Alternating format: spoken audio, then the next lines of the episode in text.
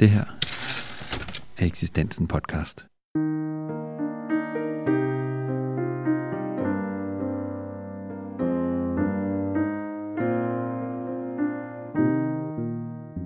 Vil du høre en god historie, så bliv hængende her.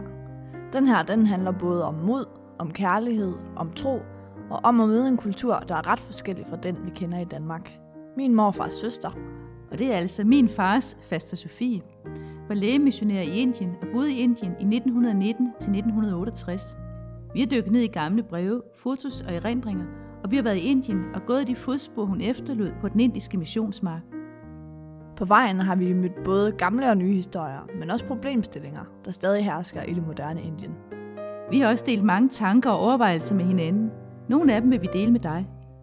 Jeg hedder Anne Dolmer, jeg er præst. Jeg hedder Sofie Dolmer. Jeg har en bachelor i nordisk sprog og litteratur og religionsvidenskab. Jeg er mor. Jeg er datter. Kom med.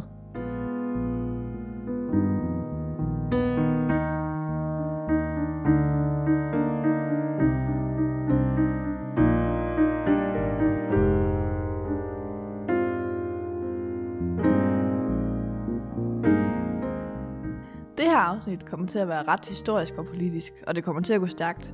Så øh, hold tungen lige i munden. Nå ja, så kan du også søge på hashtagget kvinder kaldet 4, hvis det var noget.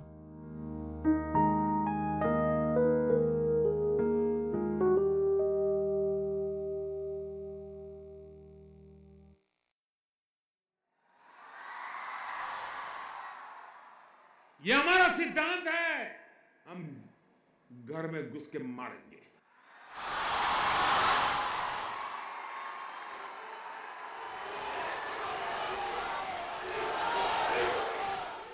Lige nu, i forårsmånederne, går næsten 900 millioner indere til valg.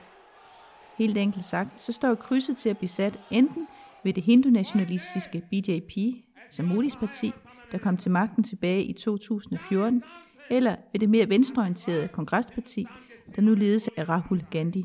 I dag er Indien i stærk økonomisk vækst. Det har åbnet sig op mod omverdenen og har blandt andet sat fokus på et grønnere Indien. Så det er nu, at danske investorer skal handle, hvis de skal med på det indiske eksprestog.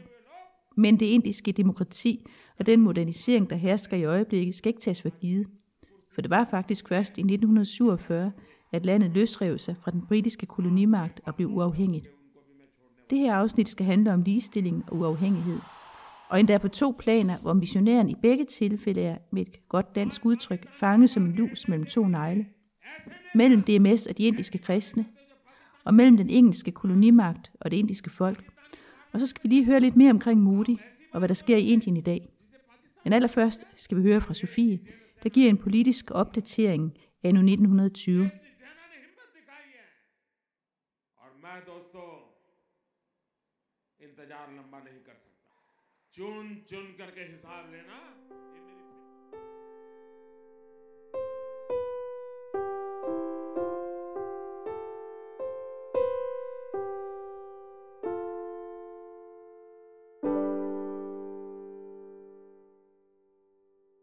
Og jeg lovede at fortælle noget om de politiske forhold herude. I disse dage har det årlige National Congress møde været holdt i en by med navn Nagpur. Den ledende mand i blandt inderne er Gandhi. Han er ikke alene en folkehelt, som bliver beundret, men han bliver af mange betragtet som en helgen, der bliver tilbedt. Nu må man jo sige, at England har gjort meget for Indien på mange måder, men folk vågner nu til selvstændighed. Krigen gjorde vel sit til det, og England lovede dem en vis selvstændighed efter denne, som de ikke fik. Nu vil de imidlertid have det, og de vil have det fuldt ud. Absolut selvstyre. Personligt er jeg ikke i tvivl om, at de får det. Det er kun et tidsspørgsmål. Og jeg sympatiserer med dem og forstår deres ønske og trang. Men det kan komme til at betyde alvorlige tider og mange vanskeligheder for europæere herude, også for missionærerne. Så er der et andet spørgsmål, som optager sindene af de danske missionærer herude, men som egentlig står i forbindelse med det politiske.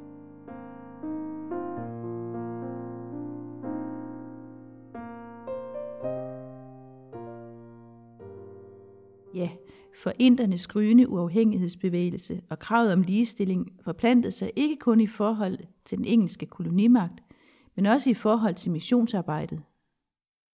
Siden midten af 1800-tallet har der i den kristne protestantiske mission været en klar målsætning om at gøre sig selv overflødig.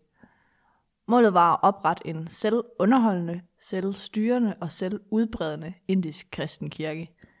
Men selvom man stilede imod en fremtidig udfasning af DMS, forsøgte man samtidig at gøre organisationen stærkere. Her er et lille paradoks, om man vil. Der blev for eksempel bygget skoler og hospitaler, store institutioner og store opgaver, som en fattig kirke kun ville kunne løfte med hjælp fra partnere udefra. Men ærligt talt, hvad skulle de ellers gøre? Der var jo brug for det.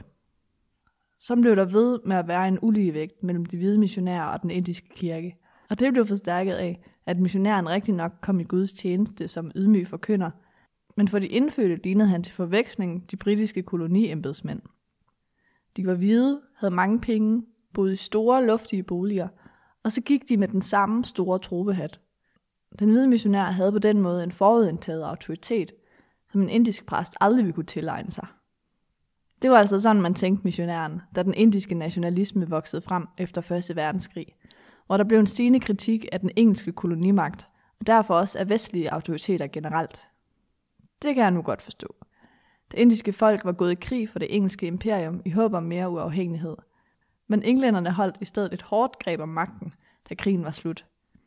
Mahatma Gandhi iværksatte enorme hartals, altså arbejdsdansninger, hvor folk samlede sig i store, men fredelige oprør, baseret på Gandhis princip om ikke-vold. Men ved en af de forsamlinger i Amritsar den 13. april 1919, blev 20.000 ubevæbnede indere mødt af en afdeling bevæbnede britiske soldater. Det endte med mere end 1000 indere død. Det blev herefter klart for mange missionærer, at deres hidtidige formynderrolle kunne blive en forhindring for kristendommens udbredelse. De indiske menigheder måtte derfor ligestilles med missionærerne. Dette førte til en helt konkret debat i DMS. Striden gik på, om den indiske præst Surendranath Arya skulle optages hos DMS som missionær.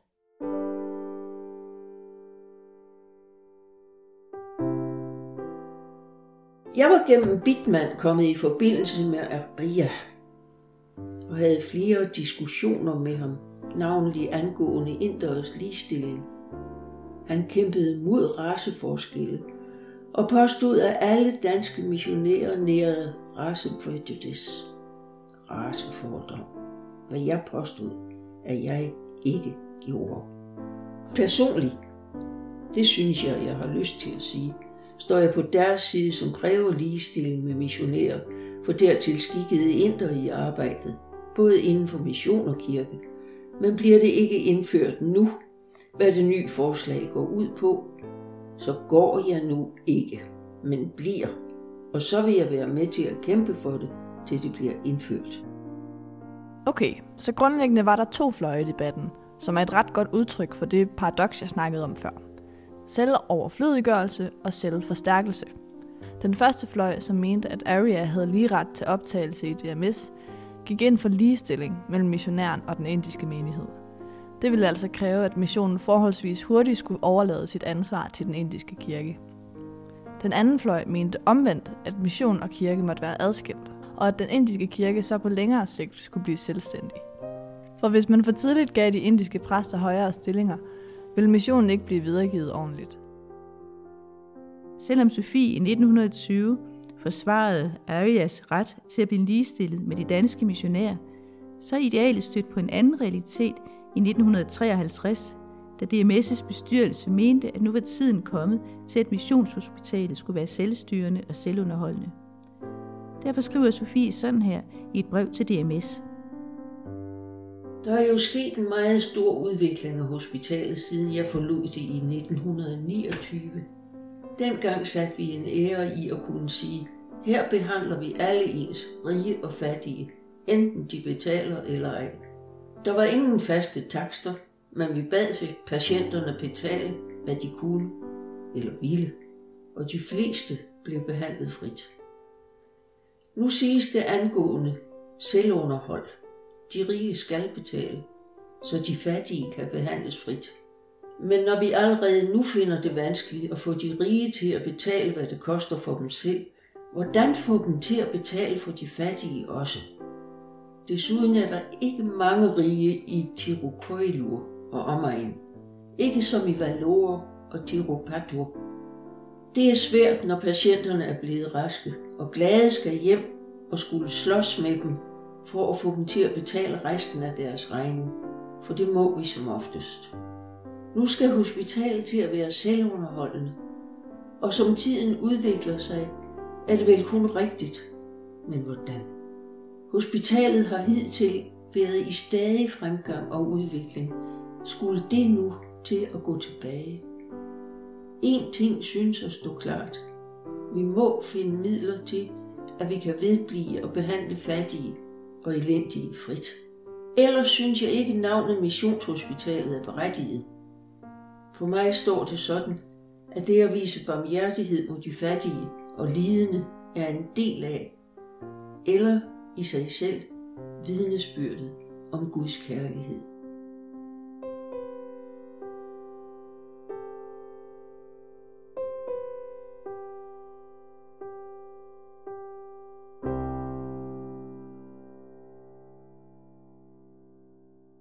Sådan starter en længere disput mellem Sofie og bestyrelsen i DMS. Og det er svært at finde løsning. Skal inderne være ligestillede, må de være selvstyrende. Skal de være selvstyrende, må de også være selvunderholdende. Men hvis de skal være selvunderholdende, så er de fattige, som der var og er mange af, ganske enkelt ikke råd til at modtage behandling. Og der forsvandt hospitalsmissionens hovedformål lige at vise kristen næstekærlighed ved at hjælpe mennesker i nød – men hvordan endte det så? Vi tager lige en tur tilbage på hospitalet i Tukøjlur. Der er noget, vi ikke fik sagt. De simpelthen solgt alt udstyr, solgt senge og det hele. Dels fordi det var nedslidt, og dels for at skaffe øh, penge til almindelig brug. Og der er ikke nogen, der er ikke nogen patienter på afdelingen, fordi der ikke er nogen læge. Så der er ikke meget. Det stod bare tør. Det stod bare nogle senge, så er det det. Ja. Det er. Ja. What is it? Refraction room. Ah. Yeah, we can uh, check eyes again. Yes, yes, yeah. Jeg synes, det er med lidt blandede følelser, man står her. Det er både sådan en grebenhed af historiens lille vingesus for os som personer, fordi Sofie har været her og gået rundt her. Men samtidig er det også virkelig sørgeligt. Ja. Altså, jeg synes, og det er måske faktisk det, som jeg synes, at You're det, coming? der You're mest. coming? Ja. Fordi at Det er, så det er bare tomme kuvøser, tomme senge, øh, tomme gange. No one is taking responsibility uh, to take this hospital, and the, moreover, we don't have doctors. So when, when when we get doctors, then it will be easy for us to run this hospital. Ja. This is a sterilization unit, and this is again another operation theater. Det er ligesom de fleste andre steder er her. Øde og tomt. Mm. På en af de øde gange gav de Anita os lige en opdatering på alt det, der ikke er. The problem here that they face is that uh, no equipments, no departments, no furnished uh, uh, wards, nothing else is there. And especially if at all, if you De problemer, de står med her er, de har intet udstyr, ingen afdelinger, ingen møbler på salene, og vigtigst af alt, ingen læger. Hvis man vil hyre en læge, så skal man give 45.000 til 50.000 rupees om måneden til lægen. Hvis vi kan betale en læge, så vil han eller hun være til rådighed 24 timer i døgnet. Og så vil vi nemt kunne genetablere os ud af den her tilstand. Indtil videre har vi et godt ry med navnet Danish Mission Hospital. Men hvis vi får noget hjælp, så kan vi i det mindste renovere hospitalet med mindst en ekstra afdeling og en ekstra sengeafdeling. Den medicinske afdeling, børneafdelingen og den gynækologiske afdeling er dem, der har størst behov for at blive møbleret. Det er kirken, der har ansvaret, men sagen er den, at der ikke er nogen økonomisk støtte til hovedkirken. Der er ingen penge, ikke engang til at betale præsterne. There is no money even to pay to the pastors like us. So we also didn't get this month's salary. So something must happen. Must happen. Yeah. It's like a it's a life or death problem now. Yes, yes, yes. Så vi har heller ikke fået løn den her måned. Så der må ske noget. Det er et spørgsmål om liv og død nu. Vi har været afhængige af vores missionspartnere i lang tid. Men pludselig, da ledelsen og organisationen blev givet til os, blev det svært for os at styre det. Og der er også problemer med ledelsen. Og det er vi jo selv ansvarlige for. Det afhænger jo af de personer, der styrer det her hospital. Det er nok grunden faktisk. Det er noget andet selv at skulle skaffe pengene. Og vi skal jo kunne holde os selv oppe, så vi må sørge for at opretholde os selv. Selv nu til dags ser patienterne udefra stedet som et missionshospital. På andre steder koster en konsultation 600 rupees, men her tager vi kun 100 for det. Det er meget billigt, så meget fattige mennesker i og omkring Tivkoilur foretrækker at komme til Danish Mission Hospital, fordi det tjener de fattige. Men så har vi ikke råd til at betale vores ansatte, Netop fordi vi kun tager 100 rupees fra patienterne. we don't have money to pay our uh, staff members. So that's why the reason. But yet they, ge- they get 100 only from the patients. பெரிய பணக்காரங்க எங்க கிட்ட கொடுத்தாங்கன்னா ஹாஸ்பிட்டலில் நாங்கள் ரன் பண்ணிட்டு ஒரு வருஷத்தில் உங்களுக்கு அந்த பணத்தை ரிட்டர்ன் கொடுத்துட்றோம் I also think that Sophie would have been sad to see how it has fallen apart. Yes, definitely. Missionens endemål om en selvunderholdende, selvstyrende og selvudbredende indisk kristen kirke er altså ikke gået helt som planlagt. ALC, Arkot Lutherske Kirke, er rigtig nok blevet både selvstyrende og selvudbredende. Men hvis mission også handler om at komme de fattige til undsætning, som Sofie skriver, så må pengene komme fra et andet og mindre tørt sted. Målene om selvunderhold og selvstyre er altså uforenelige, når det kommer til den handling, der ligger bag missionens ord. Og for mig at se, er behandling af alle som lige netop det allervigtigste i missionsarbejdet. Så blev ligestilling og uafhængighed pludselig noget mere kompliceret. For så længe at omkring 200 millioner af landets indbyggere lever under fattigdomsgrænsen, så er der brug for økonomisk hjælp udefra. Men hvem har så magten?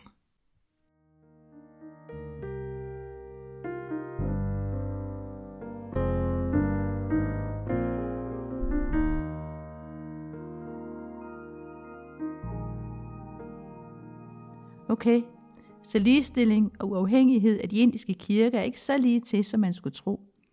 Men hvad så på det nationale plan? Gik det bedre med uafhængigheden for det indiske folk? Vi vender tilbage til Sofies erindringer.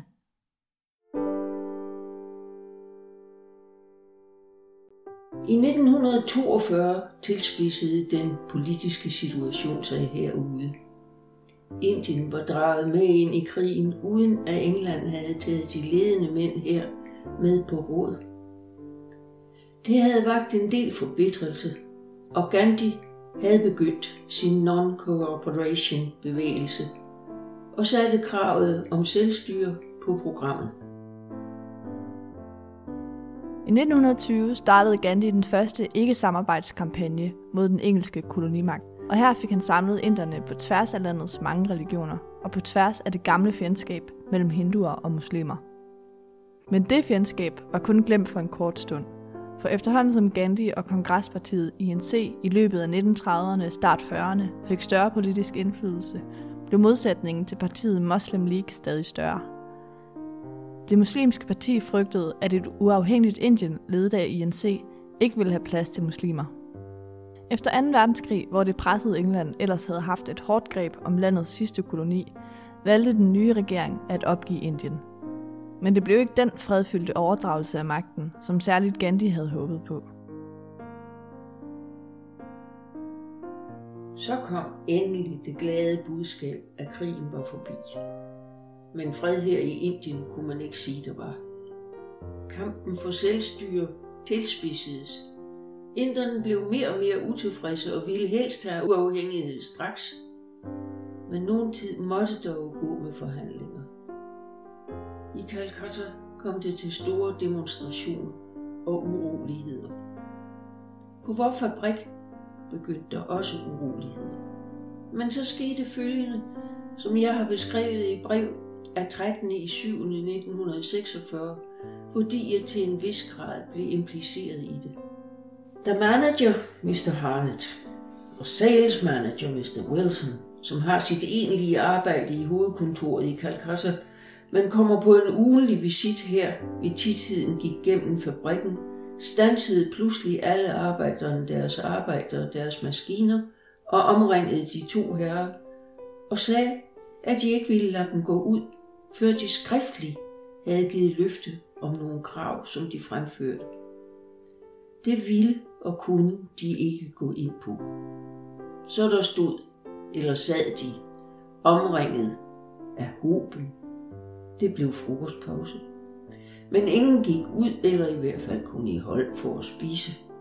Men det blev ikke tilladt at bringe de to herrer noget. Fabriksfløjten lød igen klokken halv to. Men ingen maskiner blev sat i gang. I mellemtiden havde jeg fået den idé, at hvis jeg syede to røde korsmærker på min hvide kittel, kunne jeg sikkert bringe en termoflaske med kaffe ind til de to gentlemen. Jeg omtalte det til Sandum, som jeg så på vejen, og han syntes, det var en god idé. Efter at flere har forsøgt at stoppe Sofie i at blande sig i sagen, træder hun ind på fabrikken, bevæbnet med en termoflaske og et rødt kors. Selvom Sofie var for Indiens uafhængighed, havde hun sympati både de indiske arbejdere og den britiske fabrikschef. Så gik jeg ind på fabrikken. Jeg går så ofte igennem den, når det regner, eller solen bærer for stærkt. Der var ingen ved indgangen. Men kort efter møder en af lederne mig og spørger, hvad jeg vil. Jeg svarer, at jeg ønsker at bringe denne, og jeg viser ham flasken, til de to sahibs. Så kigger han på mine røde kors, smiler og siger, kom med mig. Jeg følger ham til stedet, hvor de to fanger er. Fængselsmurene er en kompakt menneskemasse på alle fire sider af de to, fra gulv til højt op, for de sad og stod på bunderne af det færdige sækkelærred. Jeg ved ikke i hvor mange rækker lige bag hverandre, men føreren banede vej, så det blev muligt at trænge igennem. De så alle på mig, og jeg hørte dem sige, Red Cross, Red Cross. Der sad så de to herrer, gennemsvidt og udasede, tæt omgivet af huben. De så lidt oplivet ud, da de fik øje på mig, og sales manager sagde, det var en god idé. Så fik de hver en rød kop med en god stærk kaffe, som de åbenbart nød og trængte til. Og så kunne jeg fortælle dem, at de var kommet fra Calcutta, og at frihedens time nok snart kom. Men det skete ikke, før ved titiden. Min fører kom næste dag og fortalte, at han var blevet kaldt en dalal, en forræder af nogle af dem, og truet med bryl, fordi han havde taget mig ind. Jeg gik så igen til Mrs. Harnett for at fortælle hende om det, og netop der kom direktørerne. De havde besluttet at skrive under på arbejdernes krav.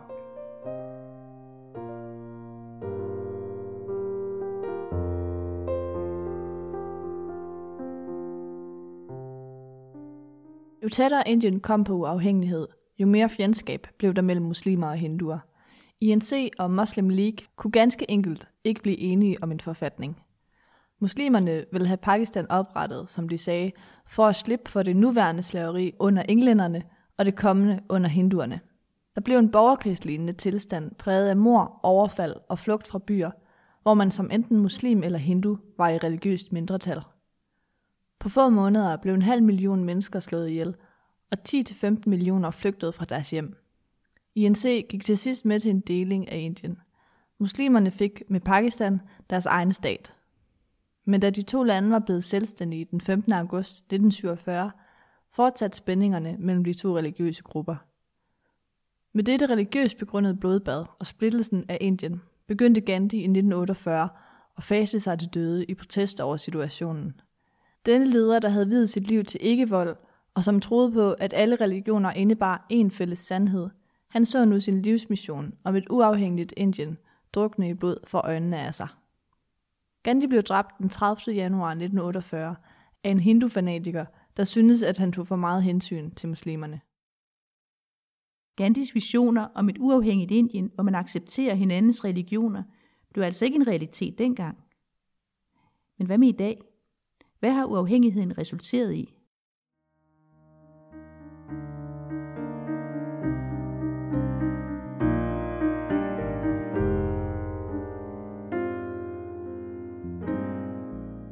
Som vi nævnte i starten, så er det i dag præsident Modi, der er leder af den indiske regering. I podcasten Indien set gennem ambassadørens øjne, tegner den indiske ambassadør Peter Taksø Jensen et godt overordnet billede af Modi og hans politik. Det er et billede præget af stærk lederskab, reformer, økonomisk vækst og fattigdomsbekæmpelse. Det 21. århundrede skal være Indiens århundrede, og han er meget bevidst om, at hvis ikke øh, man gør noget fra regeringens side, så risikerer man, at den vision ikke øh, går i opfyldelse. Så han blev valgt øh, i 2014 på et reformprogram, et program, der skal prøve at gribe alle de forskellige positive øh, indikatorer, der er i det indiske samfund, og se, om man ikke kan få sat skabt en retning på dem.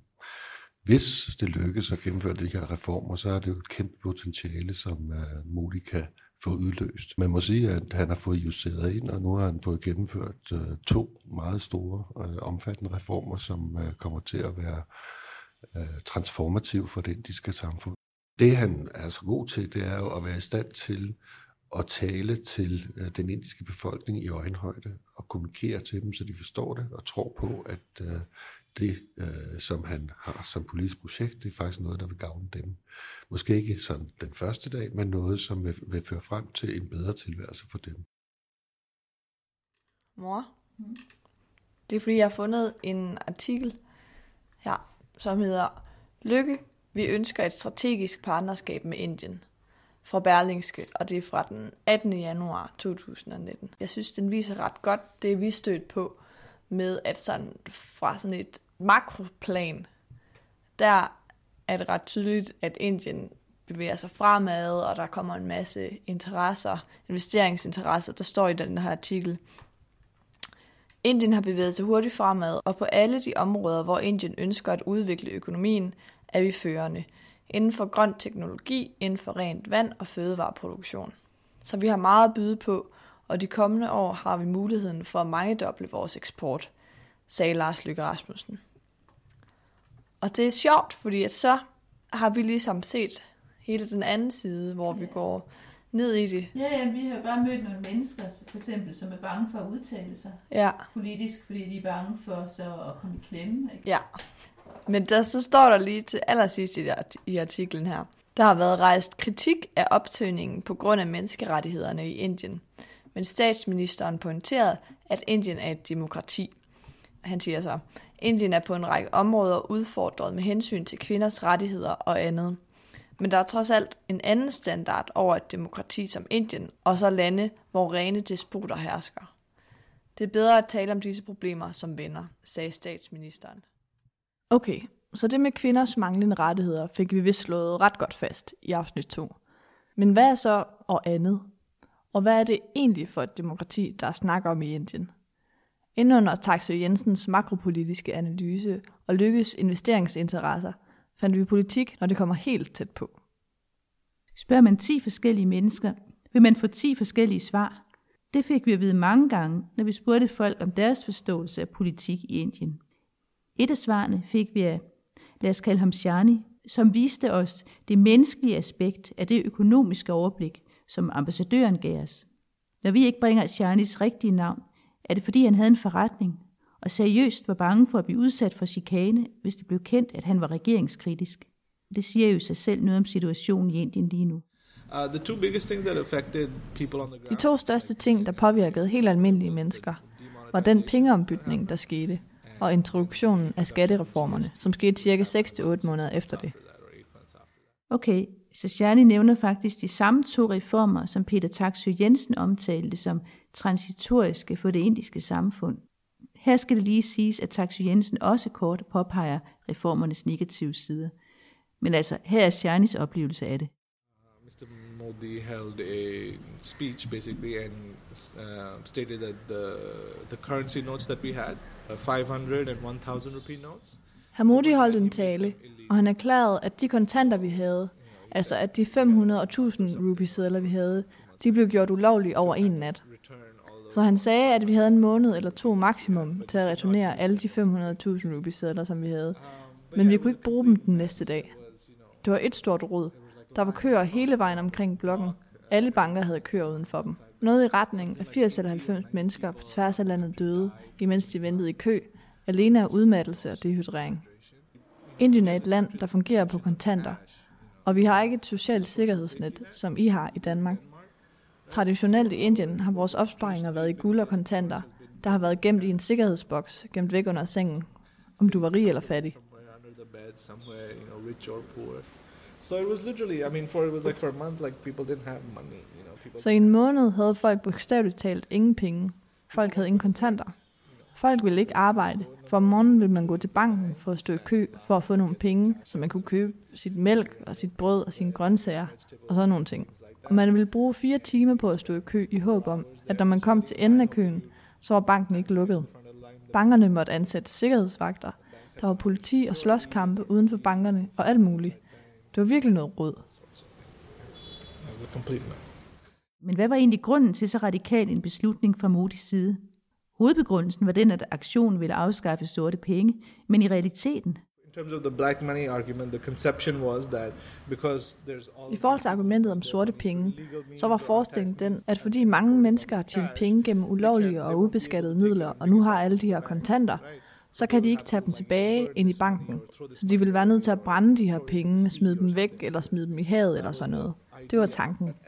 Men alting kom tilbage.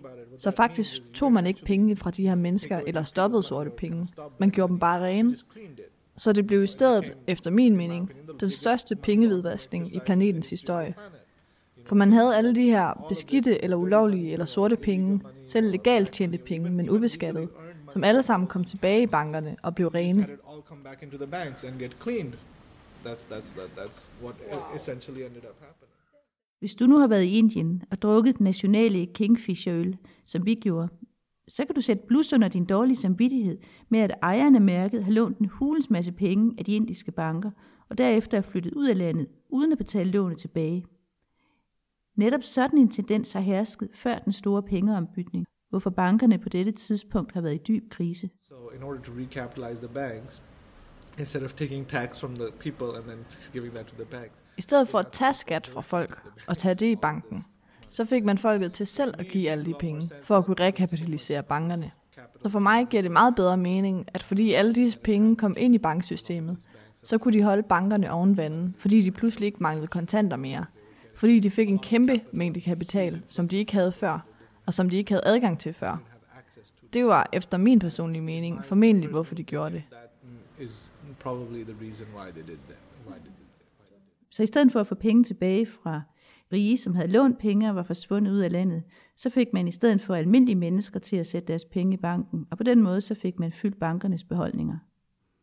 Den anden store reform, GST, Goods and Services Taxes, altså skattereformen, satte sejl ni måneder efter den store pengeombytning. Dette var en total ændring af hele skattesystemet. GST, they were able to push it forward, complete change in tax system, the way we do tax. GST, skattereformen, var en komplet ændring af skattesystemet. Måden vi laver skat på, måden vi udregner skat, måden vi betaler skat. Alt det ændrede sig. Så for en lille virksomhed som vores, kan jeg fortælle, at det var virkelig, virkelig svært. Det er en utrolig kompleks proces. Og igen, i sidste ende er det en god idé. Vores skattesystem havde brug for en ændring. Om 10 år vil det være fint, eller om 5 år vil det være en god ting. Men måden de gjorde det på, de beslutninger de tog, måden de iværksatte det på, hvornår de gjorde det, kun 8 måneder efter pengeombytningen, det var forfærdeligt. Hele økonomien sank til bunds, og vi mistede sikkert en procent af vores BNP. Det var katastrofalt. It was, yeah, it was disastrous. Um,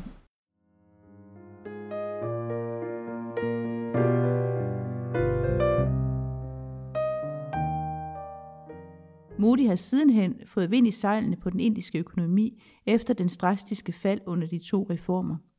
Og han har dertil åbnet landet for kommunikation med omverdenen, blandt andet ved at deltage aktivt i klimatopmøder og sætte fokus på grøn energi, noget som det danske marked især kunne have interesse i. Som Taksø Jensen siger det så fint, Det er nu, øh, toget forlader stationen her i Indien. men zoomer vi ind på togets bane, så smider det altså nogen af på vejen. It's only in the last, you know, four or five years where this kind of saffron wave of Hindu nationalism. Det er kun de sidste 4-5 år, at den her bølge af hindu-nationalisme er kommet til landet. Det er ikke noget, jeg er vokset op med. Det var der altid i baggrunden. Der var altid mennesker, som jeg og alle andre ville se som fanatikere, der viftede med gule flag. Men det har aldrig været så mainstream, som det er nu. Så der er bestemt et nyt aspekt af den her idé om en nation kun for hinduer, hvor man ikke er stolt over landets sekularisme. Not, you know, taking pride in the secularism of the Det måtte vi altså lige vende på dansk bagefter.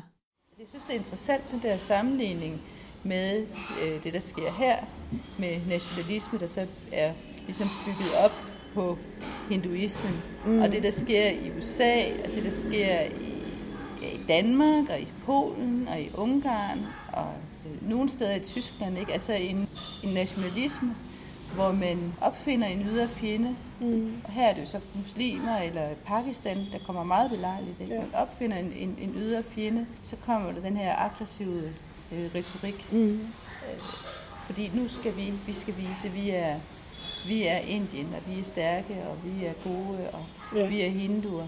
Ja. Men det rammer jo altid nogen, ligesom det rammer flygtninge De svage, i Danmark. Det rammer de set. svage, ja. Altså, så rammer det muslimer her. I Danmark, der rammer det folk på flygtningecentre, øh, der sidder med ingen penge. Eller i USA, der rammer det øh, indvandrere fra Sydamerika. Mm. Ja. Det er, det er nemlig en helt ny form for retorik, der er kommet. Ja. Det er også det, der er lidt vildt med, at, at det også sker her i Indien. Ja. At man netop kan sidde her og tænke, hold da op, det her er to fuldstændig, altså Danmark og Indien er to fuldstændig forskellige verdener. Og alligevel er det fuldstændig samme mønstre, der går igen. Ja. At der er en bevægelse, en global ja. ja. bevægelse mod nationalisme. Ja. Og at man, man, man vinder vælgerne gennem sociale medier. Ja. Så der er alligevel nogle strukturer, der bare ja, går igen. BJP har vundet mange stemmer ved at ride med på det nationalistiske boost, der bølger gennem hele verden. Og det markerer, at striden mellem hinduer og muslimer endnu ikke er forbi. Ifølge Shani er den nærmere blevet genoptaget. Det er ikke blevet nemmere at være muslim i Indien. Han beskriver videre, hvordan spændingerne mellem Indien og Pakistan er steget til et farligt niveau. Netop mens vi var i Indien, eskalerede situationen, da 40 indiske soldater blev dræbt i Kashmir af medlemmer af en militant gruppe i Pakistan, og Indien efterfølgende udførte et luftangreb mod den militante gruppe, som Indien kalder terrorister og Pakistan kalder frihedskæmpere. Men det er ikke kun muslimer, der har det svært under BJP's regering. Også andre religiøse minoriteter, blandt andet den kristne, er udsat. Det er blevet forbudt at forkynde på gaden, og der laves benspænd for kristne NGO'er. For ifølge BJP, så er Indien for hinduer. Og hvis vi så lige tager hele snakken om Indien som verdens største demokrati, så er der altså igen nogle ømme punkter hos BJP, som man godt kunne prikke lidt til. For eksempel har BJP overtaget alle de større medier i Indien, så der er ikke meget albuerum til andre, der også gerne vil have noget at skulle have sagt. Og bliver du ikke præget af fjernsynet eller radioen, er der en risiko for, at der bliver banket på din dør, hvis du har indflydelse i lokalområdet og ikke stemmer på BJP. Ud fra de historier, vi hørte, så er der ved valgkampen ikke mange valg at tage for dem, som BJP har øje på. Også derfor lovede vi at holde Shanis rigtige navn hemmeligt. Der er altså mange riser i lakken på verdens største demokrati og dets reformerende lederskab. Men der er et demokrati, og der er et af inderne mere eller mindre valgt lederskab, som nu begynder at lege med de store drenge på det globale marked. Så på trods, og vi kunne have fortsat med på trodserne længe, så er der sket meget godt, siden Indien løsrev sig fra England. Og hvem havde egentlig troet det?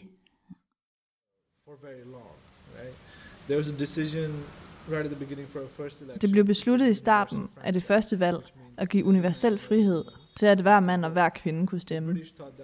Britterne syntes, at det var skørt. De grinede og sagde, hvordan vil I gøre det? Hvordan vil I tage til hvert hjørne, hver eneste øde område, og forklare, hvad demokrati er, hvad valg er, hvad politiske partier er? Og det var så det, man måtte gøre. right? That's what people had to do, and I feel like, you know, the greatest sense of pride I have is for those people. Pyha. Så fik vi da et lille indblik i den indiske politik. De ni andre forskellige svar på vores spørgsmål må altså blive en anden gang. Så nu har vi altså set på ligestilling og uafhængighed i forhold til to aspekter, nemlig mellem inderne og missionærerne, og mellem inderne og englænderne. Men hvad med inderne og os?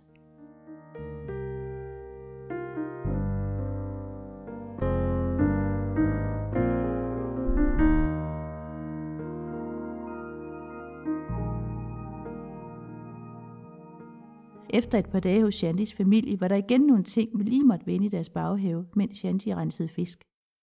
Når vi bliver opvartet sådan, hvor vi nærmest får for at gøre hvad som helst, og de står klar med at hælde vand op, og de står klar med at give os mere brød og mere øh, curry og købe ny seng, så synes jeg godt nok, at altså, så kommer jeg til at tænke på de missionærer der. Jeg synes, det er svært ikke at føle sig som den rige hvide, der kommer og ligesom bare skal, skal opvartes fordi at vi har hjulpet dem. Og så, det vil bare altid være den vej rundt.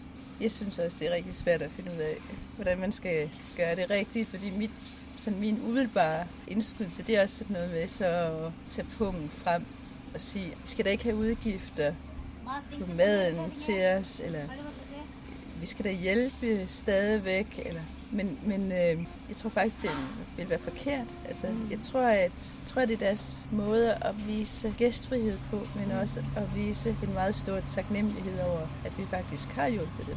Mm. Det er enormt dyrt for dem, ja. og enormt billigt for os. Ja. Kan vi bare få lov til at betale, ja. hvor at de bare er så... Altså, det er virkelig vigtigt for dem. Ja betale for det. Og det, og det tror jeg også, at det havde jeg jo netop holdt dem i den der boks, som de fattige ja. indere. Ikke sådan, hvis de ikke havde fået lov til det. Ja. Selvom at det er lidt hårdt at skulle tage imod det. Ja, ja. Hun var, troede lige, vi var færdige med vores kaffe der. Ja, og kaldte, kaldte på en af døtrene for at tage vores tomme kop. Som ikke var tom. Ja. Jeg kom jo til at sige, at jeg godt kunne lide ost. så faren han måtte køre hen til et, et eller andet fjern by eller sådan noget for at købe smørost, som bare ikke smager særlig godt, Nej. når man spiser det i Indien. Nej, så du har det bare spist det ved hans stum.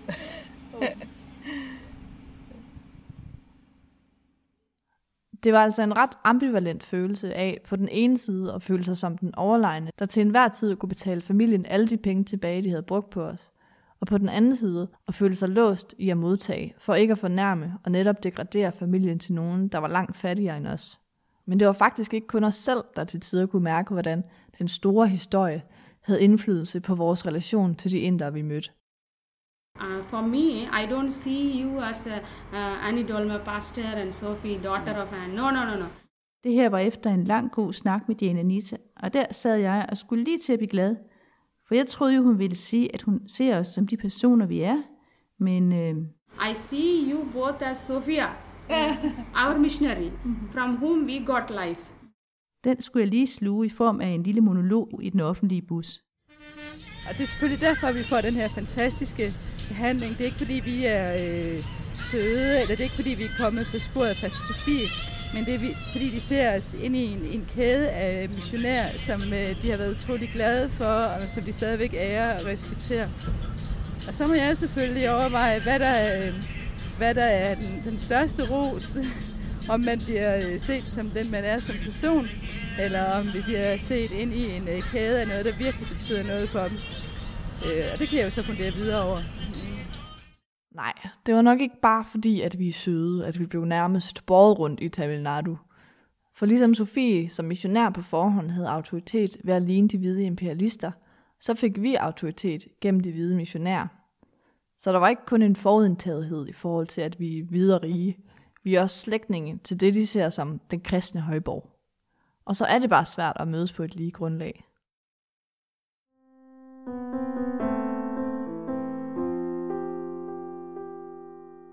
Næste afsnit skal handle om alt det, vi endnu ikke har fået sagt. Det skal handle om Sofies sidste tid, om kultursammenstød, krydsende religioner, og om alt det, vi i sidste ende har lært for nu.